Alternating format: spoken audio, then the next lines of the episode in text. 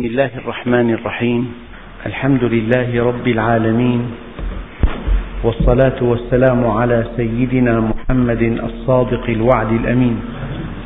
اللهم لا علم لنا إلا ما علمتنا إنك أنت العليم الحكيم. اللهم علمنا ما ينفعنا وانفعنا بما علمتنا وزدنا علما. وأرنا الحق حقا وارزقنا اتباعه. وأرنا الباطل باطلا وارزقنا اجتنابه. واجعلنا ممن يستمعون القول فيتبعون أحسنه وأدخلنا برحمتك في عبادك الصالحين. أيها الإخوة المؤمنون مع الدرس الأول من سورة السجدة النبي عليه الصلاة والسلام كان يقرأ سورة السجدة وسورة الدهر في فجر الجمعة. بسم الله الرحمن الرحيم. ألف لام ميم. تنزيل الكتاب لا ريب فيه من رب العالمين. مر بنا من قبل أن هذه الحروف التي بدأت بها بعض السور للمفسرين اتجاهات عديدة في تفسيرها. فمن هذه الاتجاهات الله أعلم بمراده. ومن هذه الاتجاهات أنها أوائل أسماء رسول الله صلى الله عليه وسلم. ومن هذه الاتجاهات أنها أوائل أسماء الله عز وجل.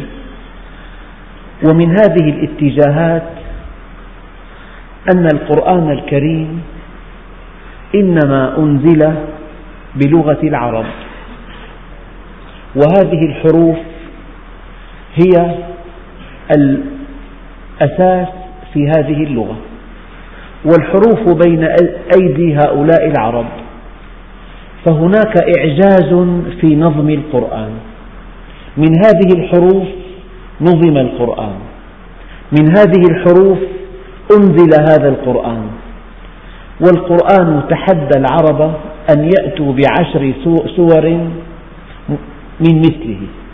وتحداهم بسورة وتحداهم بأقل من ذلك.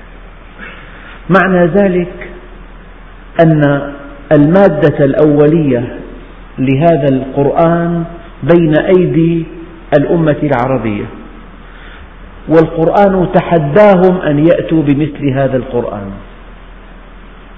نوضح هذا بمثل آخر. الإنسان مؤلف من ماء ومن حديد يصنع مسمارا واحدا ومن فوسفور ومن كلس. المواد التي يتألف منها جسم الإنسان أصبحت محددة ومقننة. هل بإمكان الإنسان أن يصنع إنسانا من هذه المواد التي بين أيدي البشر؟ الطعام الذي يأكله تأكله بعض الأنعام بين أيدينا هل بإمكاننا أن نصنع الحليب من هذا الطعام الذي تأكله بعض الأنعام؟ المواد التي تأكلها بعض الحيوانات الأهلية بين أيدينا هل بإمكان الإنسان أن يصنع بيضة واحدة؟ هل بإمكان الإنسان أن يصنع لتر حليب واحد؟ هل بإمكان الإنسان أن يصنع خلية؟ لا أقول بشرا سويا، خلية، شريانا، قطعة من كبد، إذا لحكمة أرادها الله عز وجل المواد الأولية التي خلق الله منها الإنسان وخلق الحيوان وخلق النبات متوافرة بين أيدي الناس. ومع ذلك كل الخلق لو اجتمعوا لا يستطيعون أن يصنعوا ذبابا ذبابة واحدة. ولو اجتمعوا. من هذا القبيل وهذا كلام الله. خلقه فيه إعجاز. لا تزال الحياة سرا حتى الآن. يعني هذا الكبد الذي يصنع يقوم بخمسة آلاف وظيفة. إذا خرجت الروح من الإنسان لماذا يصبح قطعة من اللحم الفاسد؟ وعند الحيوان بدك سودة بدنا نصف كيلو سودة كان قبل أن يذبح الحيوان كبدا كان يقوم بأدوار خطيرة جدا. ما هذا السر؟ يعني أي شيء فيه حياة لا يزال سرا. ويسألونك عن الروح قل الروح من أمر ربي وما أوتيتم من العلم إلا قليلا. بذرة التين أدق من رأس دبوس. هذه إذا زرعت في ظروف صحيحة تنتج شجرة تين كبيرة. طيب هذه التفصيلات هذه الخصائص هذه الطعوم هل هي كامنة في هذه البذرة؟ لهذه الشجرة آلاف الخصائص آلاف الجزئيات كلها مبرمجة في هذه البذرة. لا يزال سر الحياة مجهولا ويسألونك عن الروح هذه القوة. التي تجعل المواد الأولية كائنا حيا. الآن يدرسون في الجامعات الخلية في عام بأكمله الخلية الحيوانية. كل أنواع المخلوقات الحية لها طبيعة في الخلق واحدة أنها تنطلق من خلية والخلية عالم قائم بذاته. لها غشاء ولها سائل ولها نواة.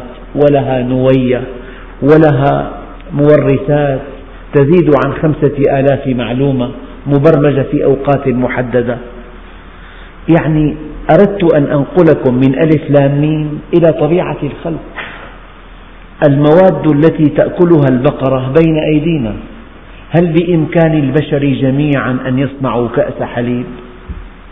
المواد الذي التي تأكلها الدجاجة بين أيدينا هل بإمكان البشر جميعا أن يصنعوا بيضة واحدة؟ المواد التي يأكلها الإنسان بين أيدينا هل بإمكان أعظم الدول تقدما أن يصنعوا خلية واحدة حية؟ ليس في الإمكان سر الحياة بيد الله عز وجل هناك إعجاز والقرآن الكريم نزل بلغة العرب بلسان عربي مبين وأصل هذه اللغة من هذه الحروف.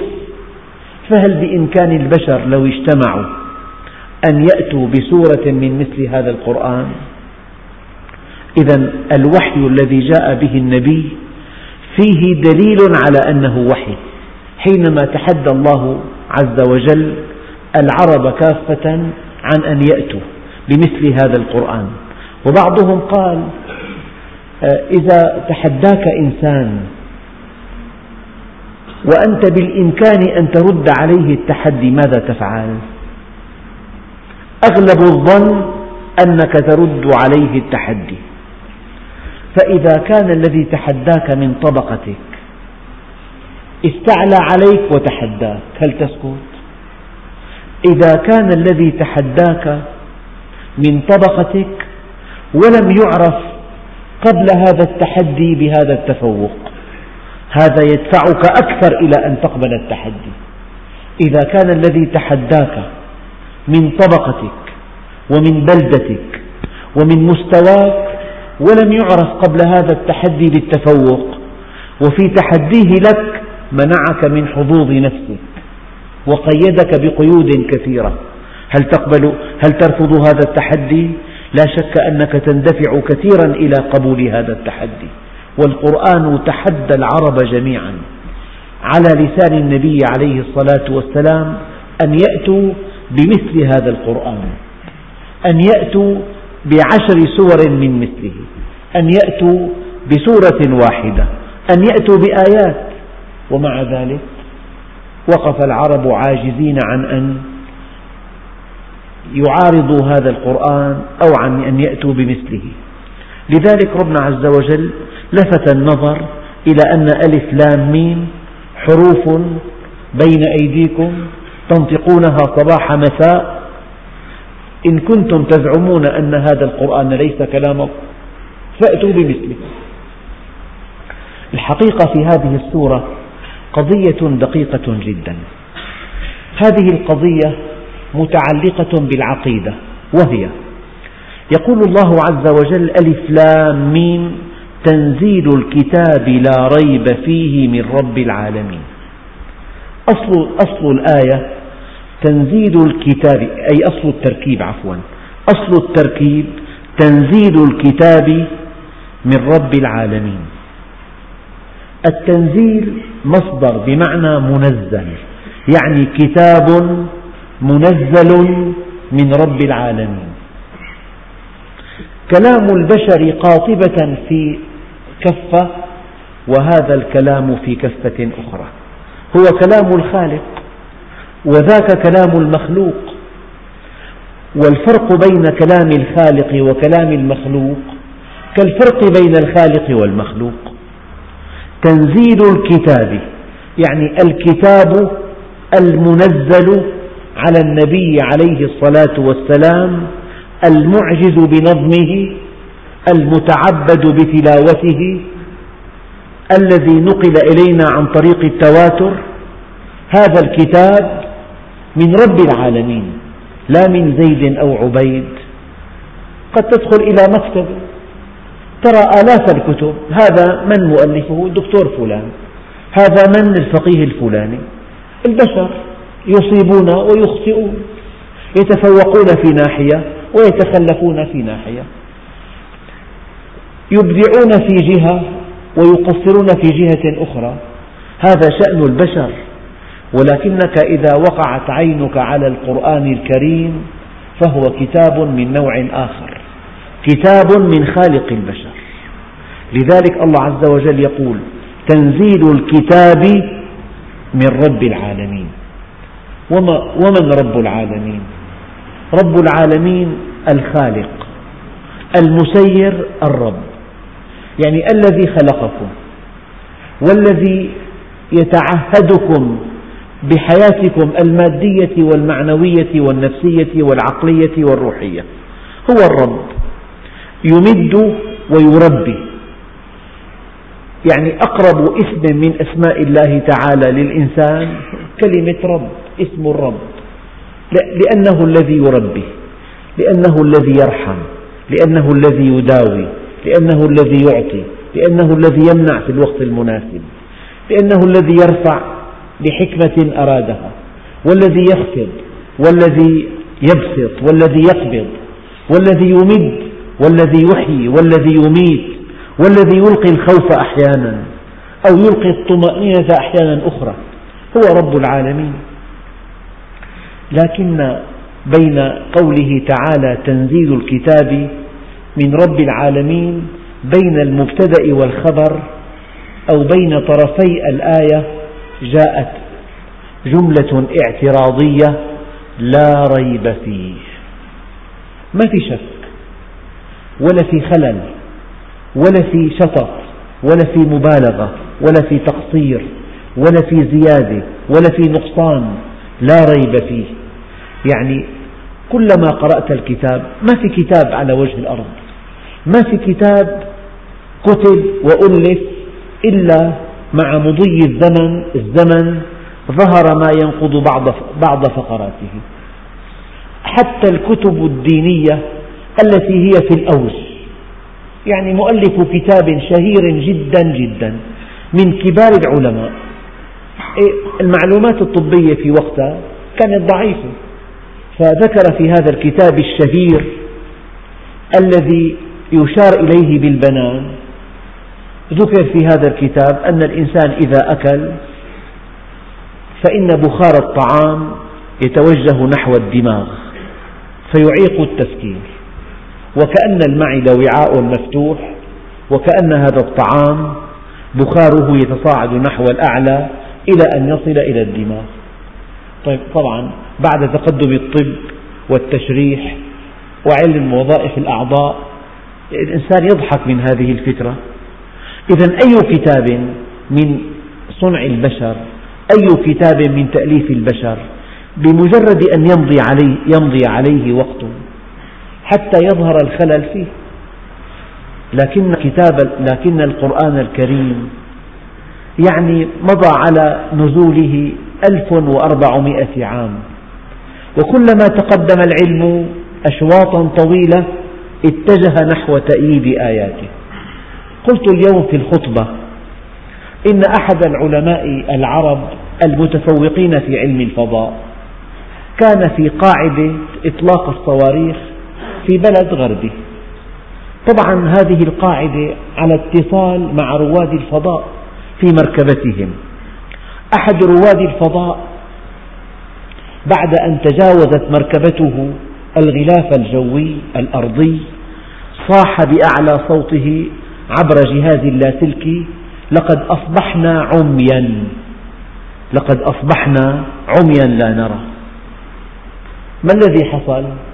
كان في جو الأرض وكان في جو الهواء والهواء يحقق ظاهرة في علم الفيزياء اسمها تناثر الضوء. فأشعة الشمس تنعكس على ذرات الهواء وعلى ذرات الغبار فيتألق الجو ويصبح مضيئا.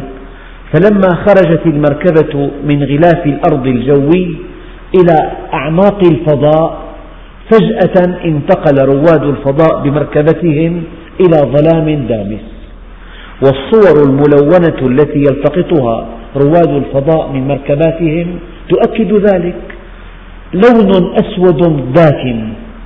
وفي هذا اللون الأسود تألق لبعض النجوم ومنها الشمس. هذا ما يراه رواد الفضاء في مركبتهم. ربنا عز وجل قال ولو أنا فتحنا عليهم بابا من السماء فظلوا فيه يعرجون لقالوا إنما سكرت أبصارنا. هي آية قرآنية أنزلت على النبي صلى الله عليه وسلم قبل ألف وأربعمائة عام ولم يكن يخطر في بال أحد أن يستطيع الإنسان أن يصعد إلى القمر أو أن يتجاوز الغلاف الجوي. لقالوا إنما سكرت أبصارنا. يعني ما في كتاب يؤلفه إنسان إلا والزمن وحده يكشف بعض أغلاطه. والحقيقة حتى في العلوم البحثة حتى في النظريات الجغرافية بيقول لك نواة الأرض سائل ملتهب. بعد إذن يقال لا. مواد جامدة لكنها حارة.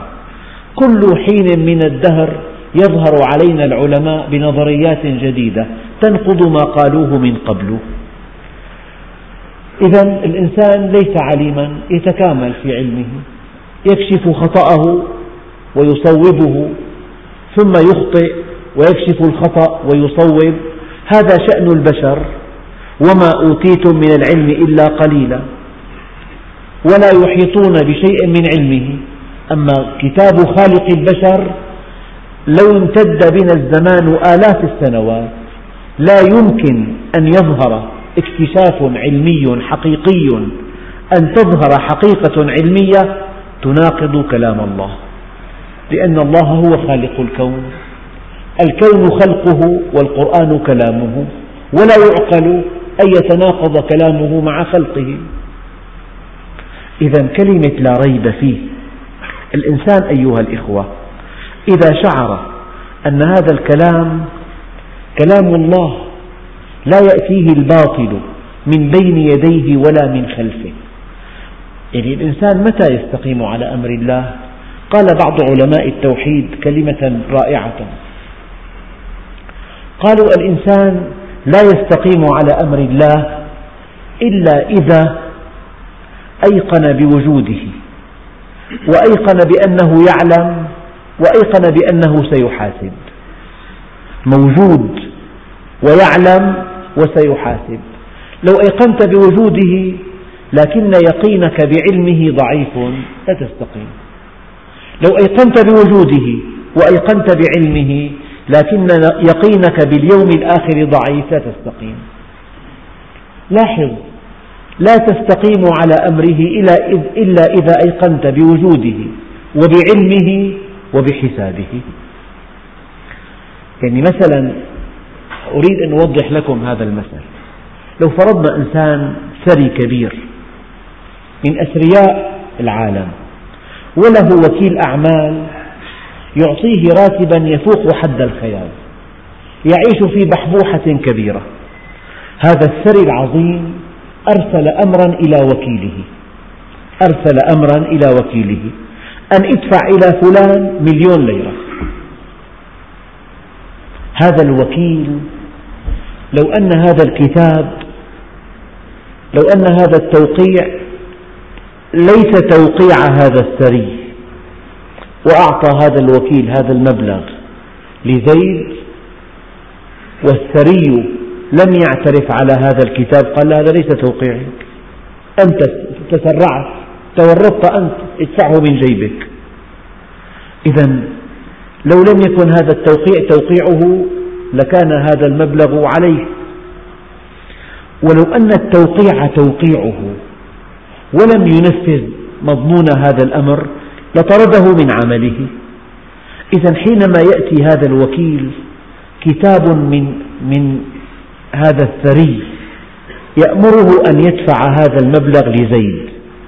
أخطر شيء في هذا الكتاب أن يتأكد الوكيل من صحة التوقيع. إذا ما تأكد ودفع ولم يكن التوقيع توقيعه لدفع هذا المبلغ من جيبه. وإذا كان التوقيع توقيعه توقيعه ولم يستجب له لطرده من عمله. إذا أخطر شيء عند الوكيل التحقق من نسبة هذا الكلام إلى هذا الثري. هذا مثل للتقريب يعني أنت كمسلم أخطر شيء بحياتك أن تتأكد أن هذا القرآن كلام الله. إن لم تكن متأكدا لن تستقيم على أمر الله لن تعبأ به. إن كان من عند الله وعصيت أمر الله فقد أهلكت نفسك. وإن لم يكن من عند الله وقيدت نفسك في الحياة بقيود لا معنى لها ضيعت حياتك. إذا قبل كل شيء يجب أن تؤمن بأن هذا القرآن كلامه. أيها الإخوة الأكارم في العالم الإسلامي لا يطرح إطلاقا أن هذا القرآن ليس كلام الله. ولكن هناك تصديق عفوي تصديق ساذج تصديق وراثي. نحن نشأنا في بلاد إسلامية وفي خطباء وفي مدرسين تربية إسلامية وهذا القرآن كلامه. لكن حينما يأتيك إنسان ضال مضل حينما يأتيك إنسان يريد أن يطفئ نور الله ويطرح عليك أن هذا القرآن ليس كلام, كلام الله. هل عندك حجة قوية على ذلك؟ أنا أرى أنه لا شيء في الحياة أخطر من أن تؤمن بكل جارحة من جوارحك وبكل خلية من خلاياك أن هذا القرآن كلام الله. وأنك سوف تحاسب في ضوء هذا القرآن. وأنه أمر ونهي وأن في الأمر سعادة وفي, وفي ما نهى الله عنه شقاء. من هنا جاء قوله تعالى ألف لام ميم يعني كتاب يعجز البشر مجتمعين.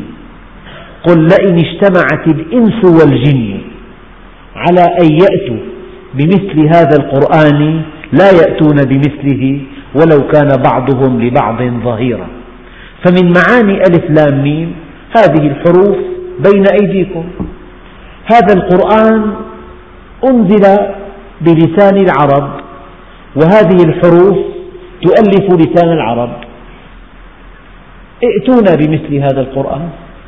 لذلك قال ربنا عز وجل تنزيل الكتاب لا ريب فيه من رب العالمين. الرب خالقكم ومربيكم ومسيركم. خلق وربى يعني أقرب معنى للتربية. أنت لو, لو تعهدت نبتة. تعهد النبتة بأن تسقيها وأن تعزقها وأن تنزع الأعشاب الضارة من حولها وأن تعطيها السماد الكافي. والمقويات والهرمونات وأن تقلمها وأن تكافح أمراضها. هذه التربية وتربية الطفل الصغير بأن تعنى بصحته وبطعامه ونومه وحاجاته ونظافته ثم أن تعنى بجسمه ثم أن تعنى بعقله ثم أن تعنى بأخلاقه ثم أن تعنى بدينه. هذه التربية هذا شيء قريب منا.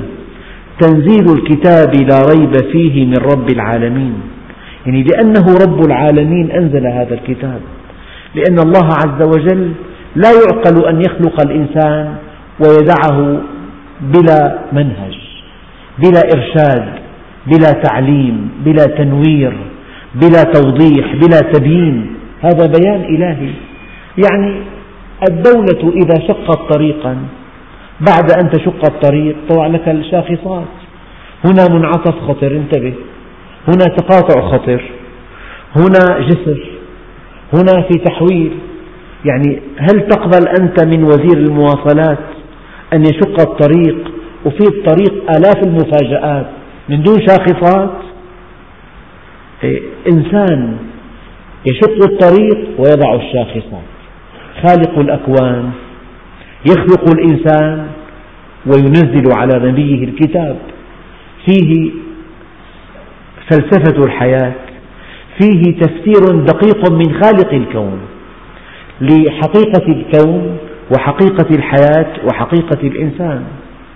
لما قبل الحياة وما بعد الحياة فيه تربية لجسمه ولنفسه ولأخلاقه ولدينه ولعقله.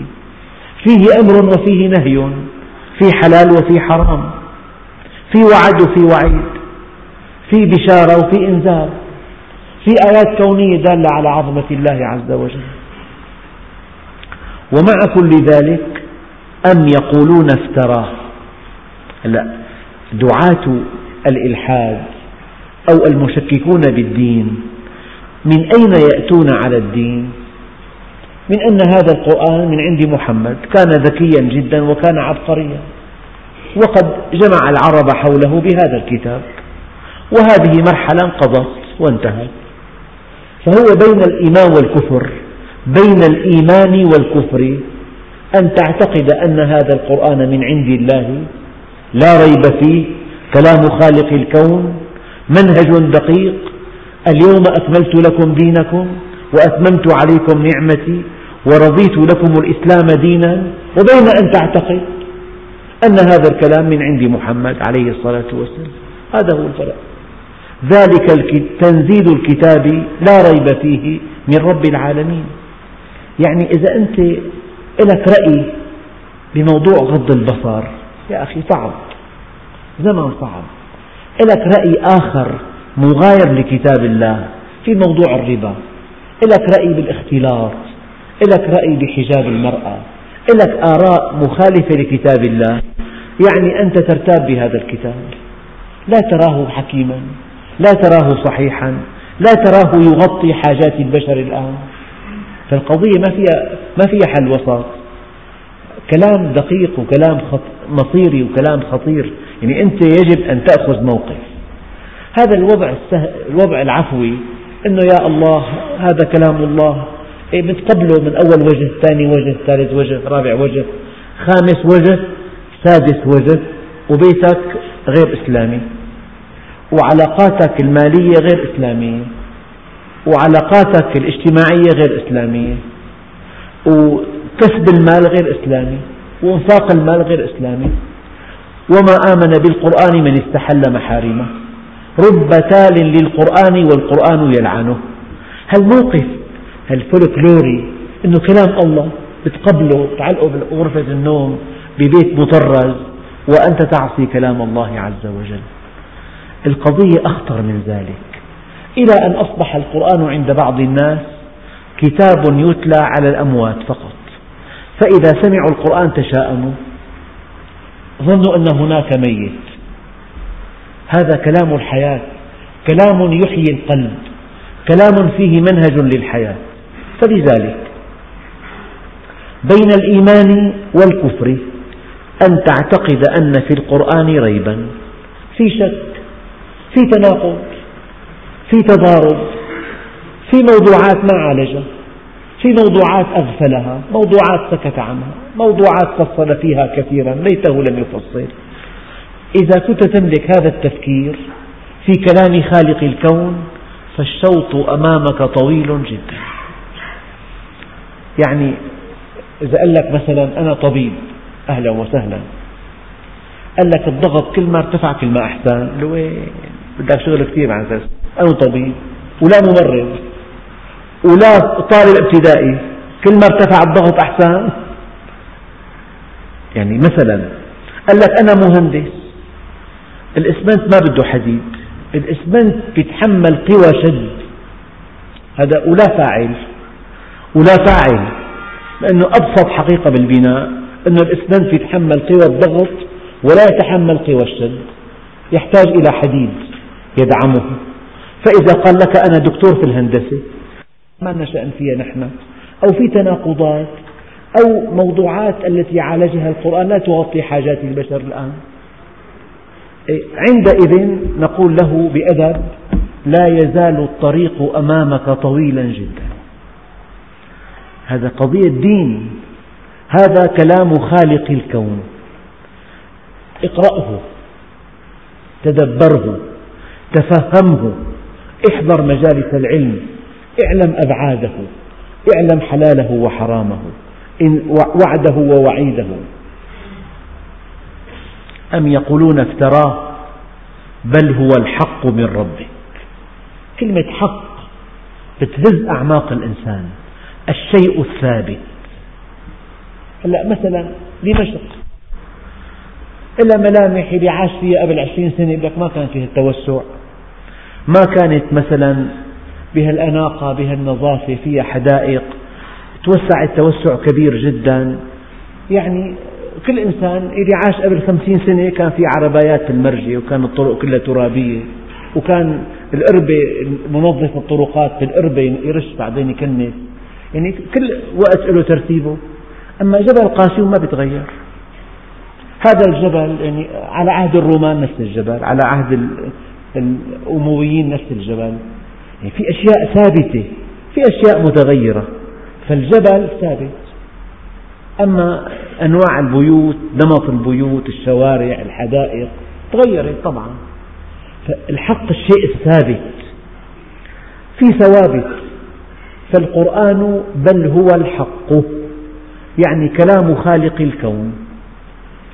مع مرور الزمن لا يمكن أن تأتي حقيقة ثابتة تنقضه ولا أن تأتي تجربة تظهر نقصا فيه ولا أن تأتي فرضية تضعف مضمونه. مستحيل لأنه الحق. أم يقولون افتراه بل هو الحق من ربك ما قال من الله؟ قال من ربك الذي يربيك. المربي أرسل توجيهات. المربي أرسل هذا الخطاب. المربي أنزل هذا القرآن. انتبه يا إنسان إذا شوف الأب تلاقي بينبر لسانه لك يا أبني دروس. يا أبني كن صادق. يا أبني اضبط أمورك. سجل مصروفك مثلا. وفر من المال هذه هذه النفقة لا جدوى منها. بتلاقي الأب بشكل عفوي بدافع محبته لابنه بدافع حرصه على مستقبله بدافع تجربته الطويلة بدافع معلوماته الغزيرة. دائما يلقي على ابنه المواعظ والتوجيهات والحكم والحقائق. هذه الأبوة. وهذه التربية. فلأن الله رب العالمين رب هذا الإنسان لئلا يضيع لئلا يتيه لئلا يضل لئلا يذل لئلا يشقى لئلا يهلك, نفسه. تنزيل من رب العالمين بل هو الحق. دائما الحق الشيء الثابت.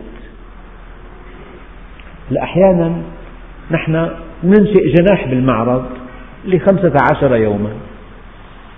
تلاحظ قد يكون من كرتون أو من قماش. السقف قماش. الجدران كرتون. هذا مكان مؤقت. لكن شيء دائرة ضخمة مثلا رئاسة الوزراء بناء من حجر أنشئ ليبقى. تلاقي أساسات وجدر سميكة إلى آخره. فالحق الشيء الثابت والباطل الشيء المتغير. الأزياء كلها باطلة ليش؟ تبدل مستمر أما الحق ثابت. في معنى آخر للحق. الشيء الثابت والشيء الثاني العظيم الهادف بل هو الحق. يعني مهما تبدلت العصور مهما تبدلت الأزمان مهما تقدم العلم مهما تنوعت الحياة مهما ارتقى الإنسان مهما فعل هذا القرآن كلام خالق الكون. الحقائق فيه ثابتة. والأوامر ثابتة والنواهي ثابتة والطريق إلى الله ثابت. ما في مفاجآت. الإنسان أيام بيمشي مع الباطل بيقضي حياته بالباطل بيقضي شبابه بيزهق حياته بيكتشف بعد سبعين عام أنه طلع باطل المبدأ. تخلوا عنه أصحابه. هي مفاجأة كبيرة كثير. هي مفاجأة ساحقة أنه إنسان نذر نفسه لهالمبدأ وضحى بشبابه. وقدم كل شيء بعد هذا العمر المديد إذا بالفكرة لا أصل لها وهي من صنع الأهواء والمصالح والأنانيات وانتهى الأمر وقضي الأمر الذي فيه تستفتيان. هي مفاجأة خطيرة.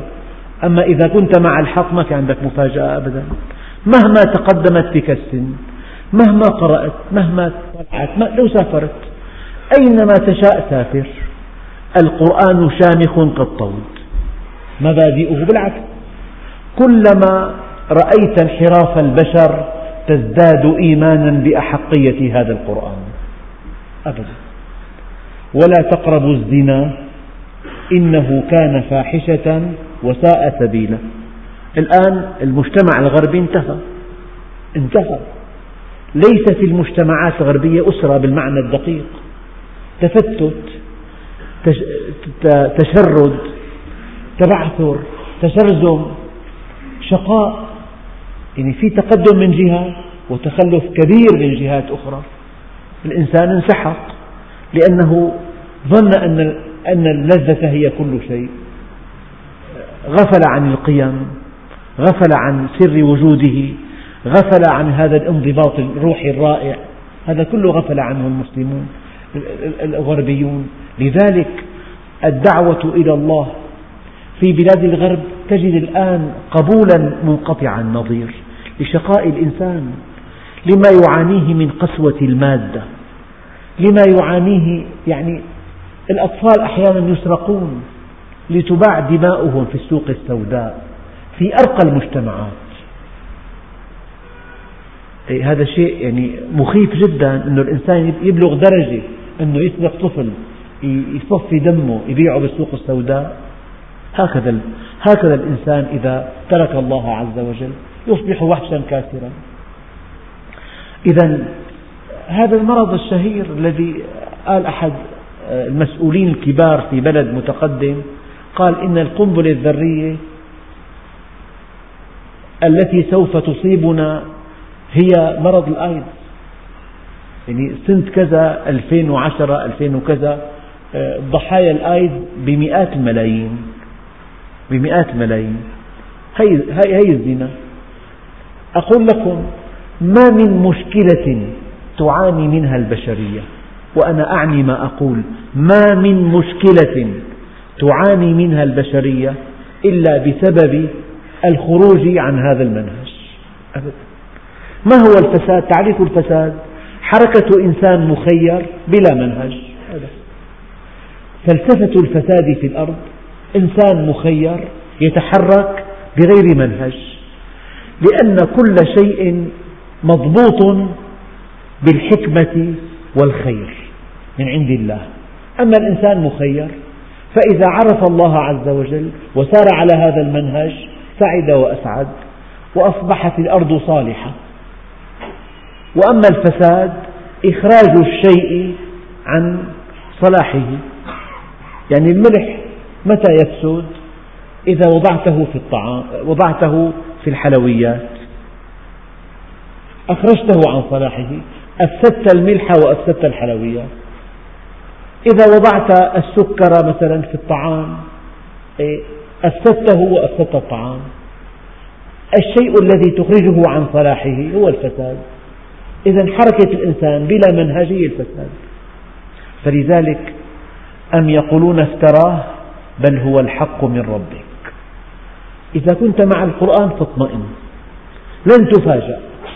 مهما امتد بك العمر.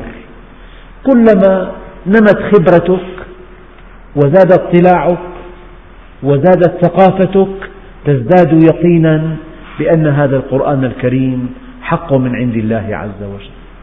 لي صديق أطلعني على كتاب عن العسل. مؤلف هذا الكتاب من بلد عقيدته لا إله. مو لا إله إلا الله لا إله.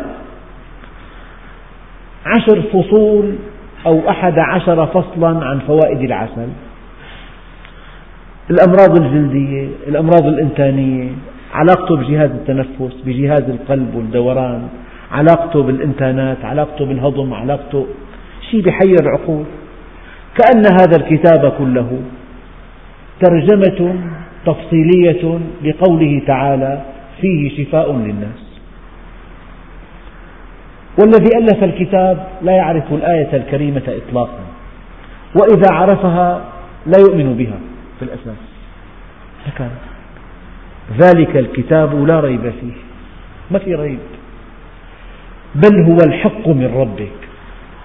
يعني البشرية اضطربت أن ترى الجنين يتشكل من الحوين المنوي والرحم عبارة عن أرض للاستنبات هكذا اعتقد الناس لعشرات السنين أو لخمسين عام تقريبا. ثم اعتقدوا العكس؟ الجنين ينشأ من البويضة وما الحوين المنوي إلا منبه.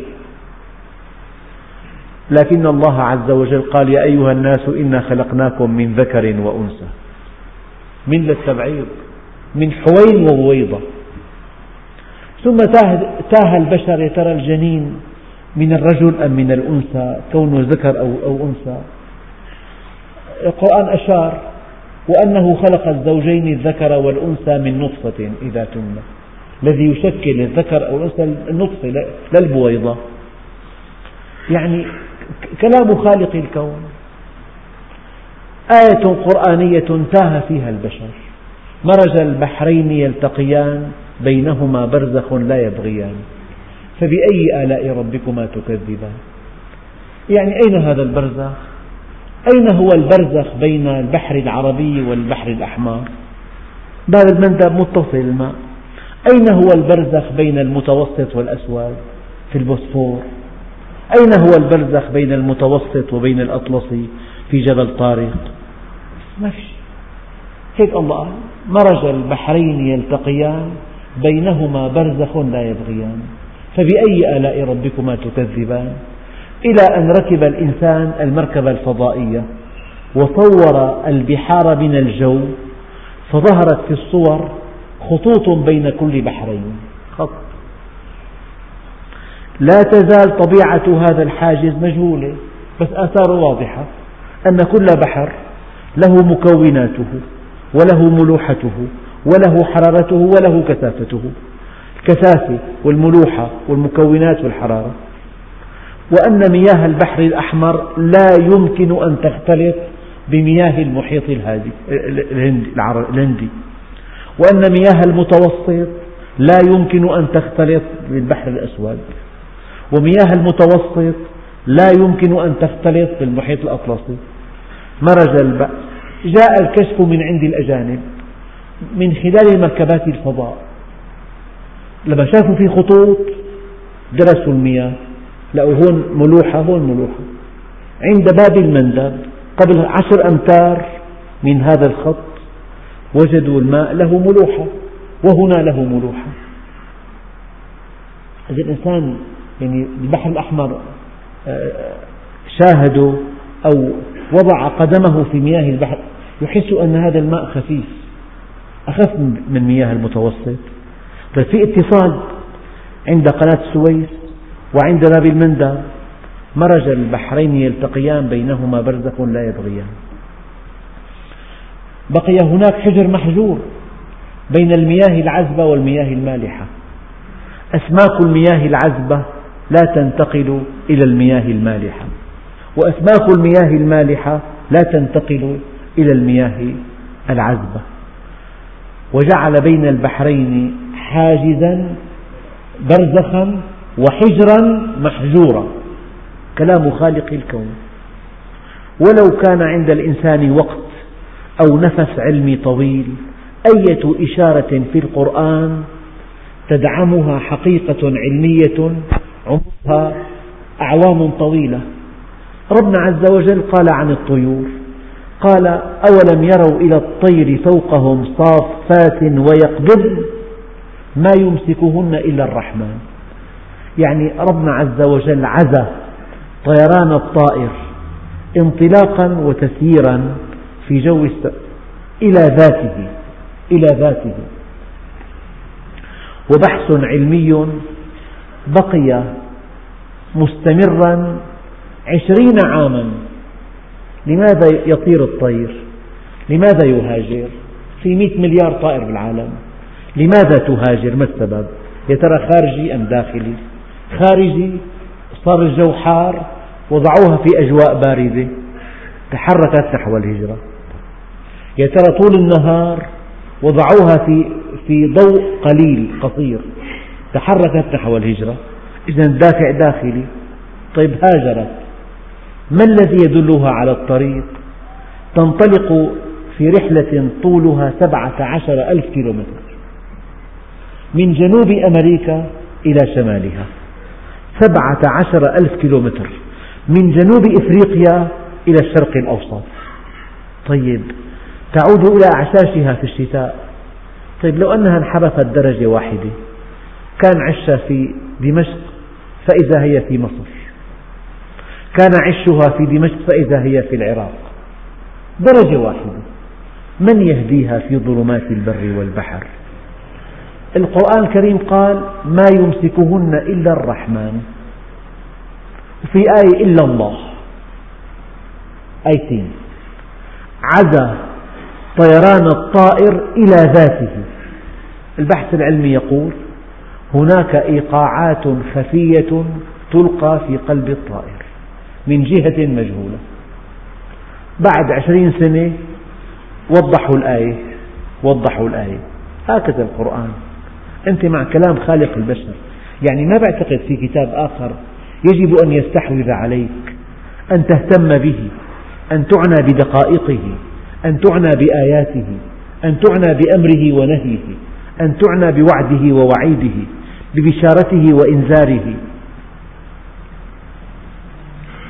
أم يقولون افتراه بل هو الحق من ربك لتنذر قوما ما أتاهم من نذير من قبلك لعلهم يهتدون. هؤلاء العرب الذين ما أتاهم من نذير من عهد إسماعيل بن إبراهيم عليه السلام إلى محمد عليه الصلاة والسلام. ما أتاهم من نذير من قبلك لعلهم يهتدون. وهذا ينقلنا إلى موضوع أهل الفترة. أهل الفترة مطالبون بالإيمان بالله. أما إذا لم يصلهم التكليف لا يحاسبون عليه. فهناك أناس يخلطون. يعني الكون يدل على الله عز وجل. والإنسان أعطاه الله عقلا. أداة هو أداة, أداة معرفة الله. فلا عذر له إن لم يؤمن. لكن إذا الإنسان آمن بالله ولم يطلع على الأمر بالزكاة أو الأمر بغض البصر أو الأمر هذه الأوامر التفصيلية هذه لا يحاسب عليها إلا من تبلغها. فلذلك أهل الفترة لا نقول معفون إعفاء تاما من كل مسؤولية. أفلم ينظروا إلى السماء فوقهم كيف بنيناها وزيناها؟ أفلا ينظرون إلى الإبل كيف خلقت؟ وإلى السماء كيف رفعت؟ وإلى الجبال كيف نصبت؟ وإلى الأرض كيف سطحت؟ فذكر إنما أنت مذكر لست عليهم بمسيطر إذا ألف لام ميم تنزيل الكتاب لا ريب فيه من رب العالمين أم يقولون افتراه بل هو الحق من ربك لتنذر قوما ما أتاهم من نذير من قبلك لعلهم يهتدون.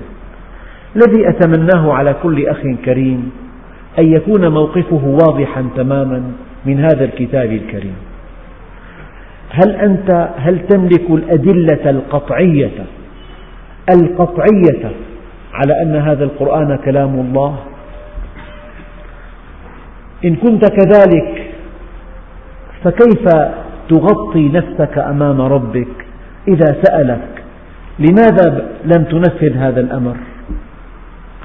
لماذا قصرت في هذا الأمر؟ قل للمؤمنين يغضوا من أبصارهم.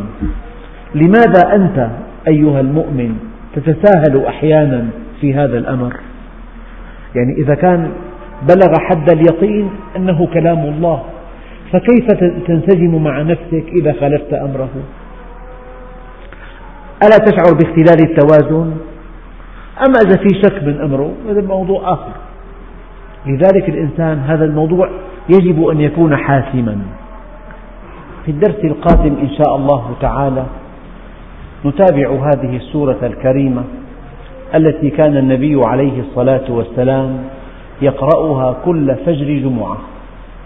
وأغلب الأئمة في العالم الإسلامي يقلدون النبي عليه الصلاة والسلام ويقرؤونها في فجر الجمعة مع سورة الدهر. يعني مراكز الثقل في الآية كلمة لا ريب فيه. يعني هل هناك يقين قطعي قطعي قطعي أن هذا القرآن كلامه؟ إذا كان كذلك كيف تخالفه؟ وكيف تغطي نفسك أمام ربك حينما يسألك؟ وكيف لا يختل توازنك إذا كنت موقنا أن هذا الكلام كلامه وأنت لا, لا, لا تطبقه. ما موقفك؟ فهي قضية مصيرية. كلمة لا ريب فيه بل هو الحق من ربك لتنذر قوما ما أتاهم من نذير من قبلك لعلهم يهتدون. يعني مثلا لو مهندس رأى بناء وأدرك بعلمه أن هذا البناء خطر ولا بد من أن يقع. وأنه ألقى هذه الحقيقة على مسامع أصحاب البيت وأبلغهم وأخذ توقيعهم على ذلك. وأصحاب البيت لم يعبأوا بهذه النصيحة وبقوا في البيت إلى أن وقع البيت فوق رؤوسهم. هذا هو العلم وذاك هو الجهل. الإنسان أحيانا يرتكب مخالفات لكتاب الله يدفع الثمن باهظا حتى في حياته الزوجية. لو أنه ما عبأ بكلام الله عز وجل. الله عز وجل قال مثلا آيات كثيرة جدا في العلاقات الزوجية. إذا لم يعبأ بها يدفع الثمن باهظا من سعادته الزوجية. هناك توجيهات كثيرة في كسب المال. إن لم تعبأ بها دفعت الثمن باهظا من تجارتك. هناك توجيهات كثيرة في إنفاق المال. إن لم تعبأ بها دفعت الثمن باهظا. فالإنسان إذا كان محبا لذاته إذا كان مفرطا في أنانيته عليه أن يتفهم كلام الله. يعني الواحد يلاحظ نفسه إذا آلة غالية جدا يعني بشتري كمبيوتر مثلا بشتري مركبة موديل جديد يقول لك كلفتني كذا مليون. تلاقيه حريص حرص بلا حدود على اقتناء الكتيب الذي تصدره الجهة الصانعة. حريص حرص بلا حدود على ترجمته. لفهمه. حريص حرص بلا حدود على تنفيذ تعليماته.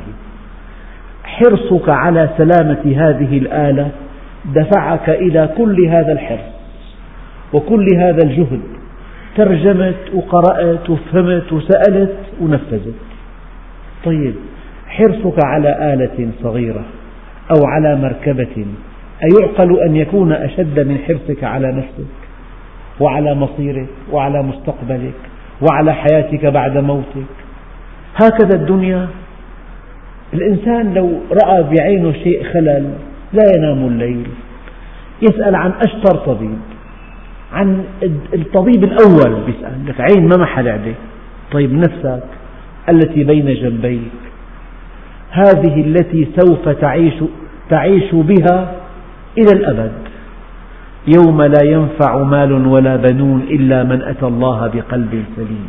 يعني الرجاء أن هذا الكتاب موضوع أنه والله قرأنا القرآن تباركنا الحمد لله شعرنا براحة كلام الله. الموضوع أخطر من ذلك أخطر بكثير أخطر من أن تتلوه هكذا.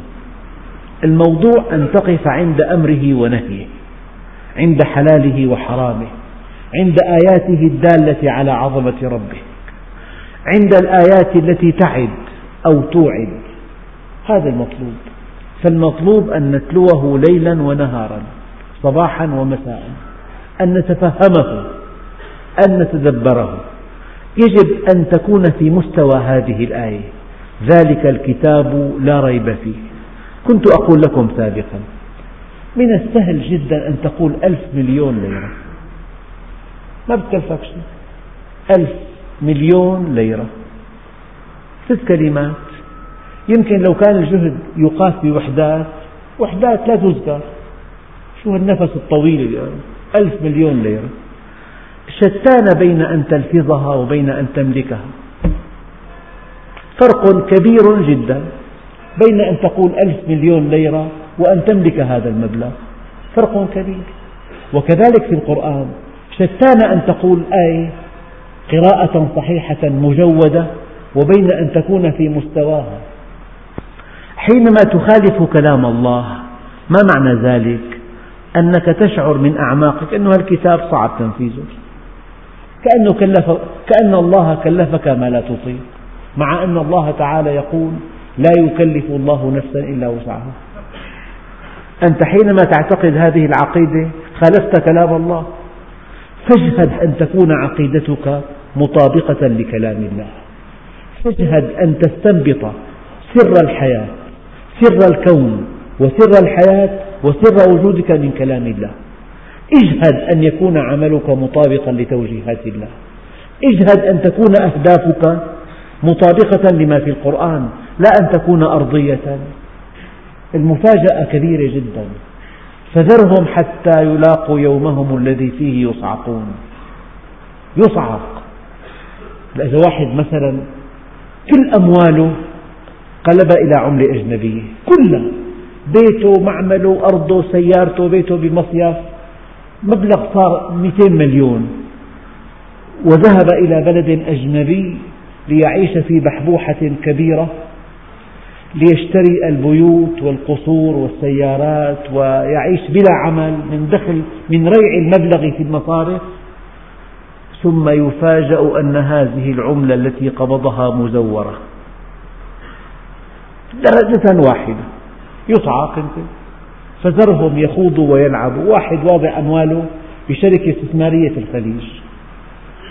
مبلغ ضخم جدا. كل ما يملكه. لما وصل إلى إلى كان في دمشق يمضي شهرا كعطلة. فلما عاد إلى بلده في الخليج أنبأه شريكه أن هذه الشركة التي وضعت فيها كل أموالك قد فلست. وقع مغميا عليه. لا. فهي صعب صعب كبير جدا. نحن نقرأ قرآن يجب أن يقرأ قراءة جدية. الأمر النهي في كل التوجيهات في زواجك. لا يمكن يشقى زوج إن طبق كلام الله عز وجل. وعاشروهن بالمعروف. اقرأ التفاسير كلها. المعاشرة بالمعروف ليست أن تمتنع عن إيقاع الأذى بها بل أن تحتمل الأذى منها. هيك توجيه ربنا عز وجل. فيجب أن نقرأ القرآن بتدبر بعناية. يجب أن توقع عملك وفق القرآن. إذا قال لك غض بصرك غض بصرك. وإلا صار البيت جحيم كل يوم في خناقتين ثلاثة. إذا قال لك الله عز وجل يمحق الله الربا صدق. لأنه تجمع تجمع تجمع بثانية واحدة بتدمر مالك كله. يمحق الله الربا. إذا قال لك زكي زكي إذا قال لك افعال افعال. ولا يغتب بعضكم بعضا. لو اغتبت تمزق المجتمع. تلاقي الأسر كلها ممزقة الآن. شو السبب؟ من الغيبة. باستقبال مع ترحاب بيروحوا بيحكوا عليهم. بيكون قاعد واحد بينقل كلام لهذا. هيك حكوا عليك. هن حكوا هيك أعوذ بالله. هن ساووا معي هيك. بتلاقي الحياة كلها ممزقة من الغيبة. فإذا بدك تسعد أنت وأهلك وأولادك ومجتمعك وجيرانك وإخوانك طبق كلام الله. كلمة لا ريب فيه الدرس كله على كلمة لا ريب فيه. هذا كلام خالق البشر. والحمد لله رب العالمين.